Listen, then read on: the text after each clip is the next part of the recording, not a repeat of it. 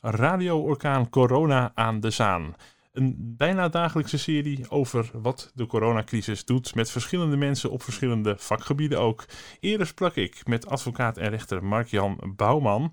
Hij had het ook al over dat hij als advocaat zijn cliënten niet kon bezoeken in de gevangenis. En uh, daar wil ik eigenlijk ook wel even meer van weten. Hoe is deze corona-uitbraak voor de gevangeniswereld? Daarvoor heb ik nu in de telefoon Frans Douw. Frans, welkom. Ja, dankjewel uh, Edwin. Frans, jij bent 40 eh, jaar uh, werkzaam geweest in het gevangeniswezen. Uh, directeur geweest, ook in Heerhugowaard onder andere. en jij bent samen met mij maker van de podcast The Prison Show. Dus in die hoedanigheid kennen we elkaar. En jij volgt ook het laatste nieuws op, op dit gebied als het gaat om de corona in de gevangenissen in Nederland, maar ook in andere landen in de wereld, hè? Dat klopt, ja. Ehm, hoe, uh, hoe, hoe staat het ervoor? Want uh, ik heb begrepen, er zijn al een aantal uh, gevallen van corona, ook in Nederland, bekend in gevangenissen. voor, ja. wat voor, voor wat voor gevolgen staat dat? Ja, nou ja, goed. Um, eigenlijk is het zo dat als je naar het gevangeniswezen kijkt, dan zijn daar natuurlijk een aantal internationale regels op van toepassing. Hè? De Nederlandse wetten, maar ook internationaal uh, zijn de mensenrechten heel erg belangrijk. En zeker in een situatie waarin mensen opgesloten zitten, um, zijn ze natuurlijk extra afhankelijk van de manier waarop er met hun gezondheid wordt om te gaan. Dus internationaal zijn er vele organisaties, zoals de World Health Organization en de Raad van Europa en um, de ICPA, de Vereniging van uh, Gevangenisdirecteuren, Wereldvereniging. Um, die aandringen op het, uh, ja, het, het goed uh, omgaan met besmettingsgevaar, maar ook het bewaren van de basale mensenrechten, be, voldoende beweging en allemaal dat soort dingen.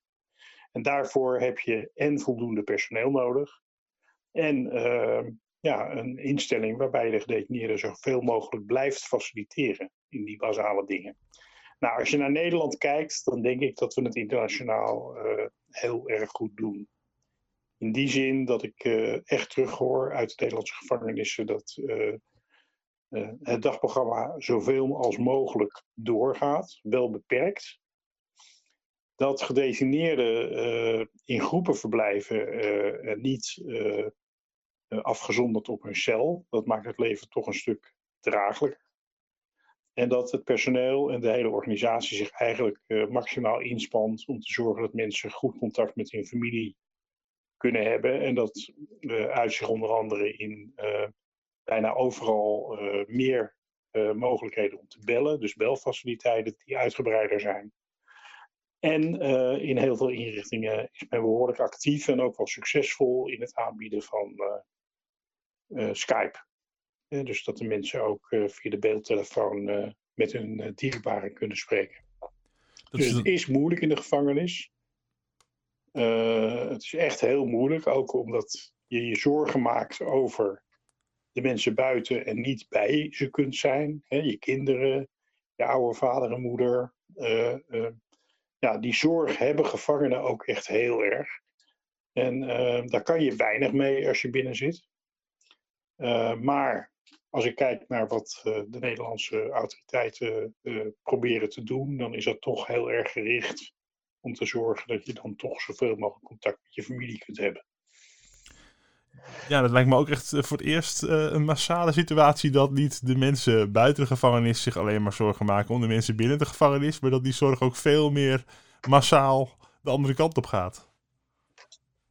Ja, dat is eigenlijk altijd zo. Dat, dat is iets wat ik weet uh, als, als iemand die binnengewerkt heeft. Maar dat wordt nu wel heel erg duidelijk. Uh, het komt aan de oppervlakte. Ik werd zelf uh, vanochtend gebeld door iemand die dus uh, in de gevangenis zit, een hele lange gevangenisstraf uitzit.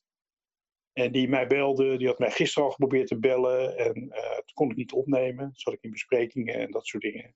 Nou, ik weet hoe moeilijk het is om vanuit de gevangenis te bellen, dus ik had vanmorgen toch even opgenomen en ik zeg van joh, ik, heb het, uh, ik ben even ergens mee bezig, maar is er iets dringends? En toen zei hij, nee, het is al geregeld, want ik maakte me zorgen om jou, hoe het met jou ging. En je hebt de telefoon opgenomen, dus ik weet dat het goed met je gaat en je klinkt goed. Dus bedankt en ik bel je een andere keer wel weer terug. Ja. dat was echt heel hartverwarmend. Een bijzonder moment. Zeer bijzonder moment. Ja, uh, want, zeker. Het, het, het, lijkt me ook wel dat, dat het met de psyche, uh, met de psyche van de, van de gevangenen heel veel doet. Uh, je voelt ook onmacht en je kunt daar niks tegen doen, want je zit vast op één plek. Ja. ja. Dus, dus er moet ook op een goede menselijke manier mee worden omgegaan. Dat je geen opstand krijgt in de gevangenis of dat er rare dingen gaan gebeuren. Ja, zeker. Uh, als we kijken naar internationaal, hè, dat volg je ook. Uh, zijn er landen, uh, er zijn sowieso landen waar de hele corona volgens mij nog steeds wordt ontkend ook. maar wat volg jij op internationaal terrein? Nou ja, wat je internationaal ziet is dat juist die landen waar de omstandigheden eigenlijk heel slecht zijn, omdat de mensenrechten ook slecht geregeld zijn, daar um, zie je dat er uh, nare dingen gebeuren in de gevangenis. Hè? Mensen raken besmet.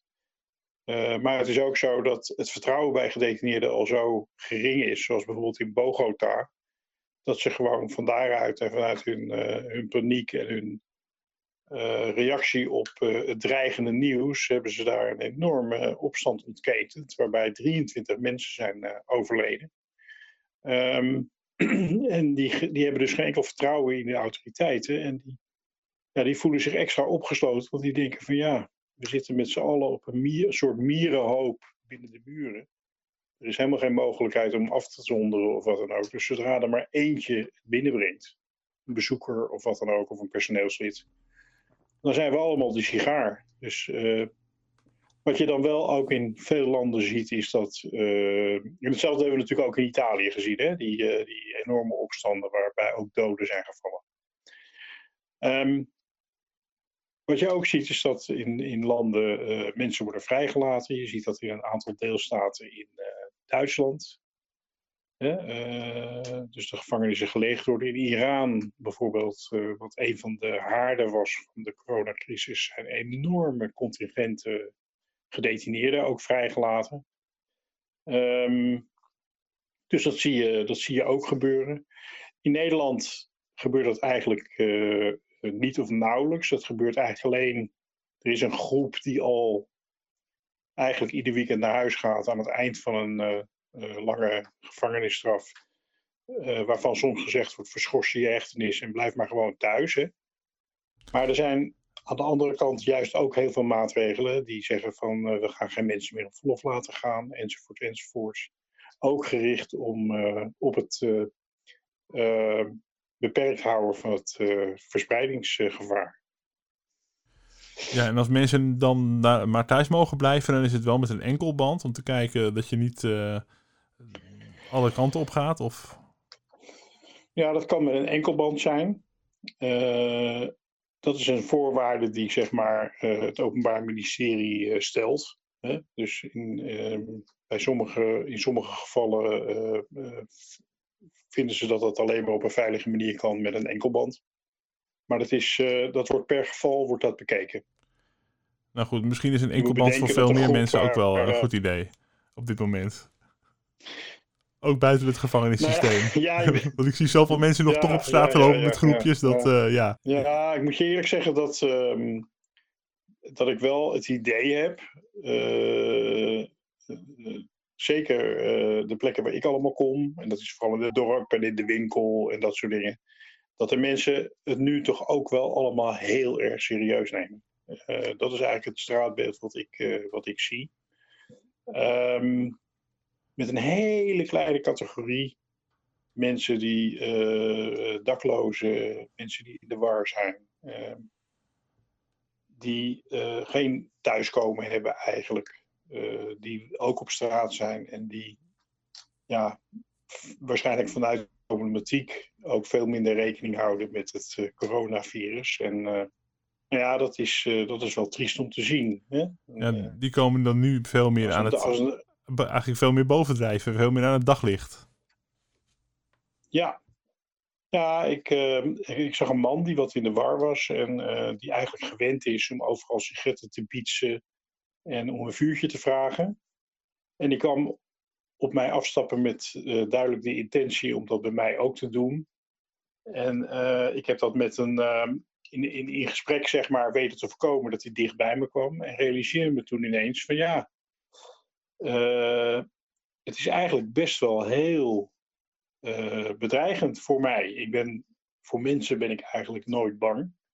Maar iemand die uh, zo dichtbij komt, terwijl ik ja, dat dan weer terug zou kunnen brengen naar mijn familie bijvoorbeeld. dat vind ik eigenlijk op dat moment, realiseerde ik me dat daar een behoorlijke dreiging van uitgaat.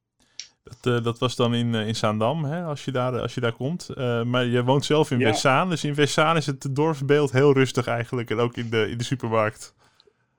Ontzettend rustig. ik zie dat de mensen er enorm rekening mee houden. Ik hoor ook dat de mensen, voor, ja, met de meeste mensen ook echt thuis blijven.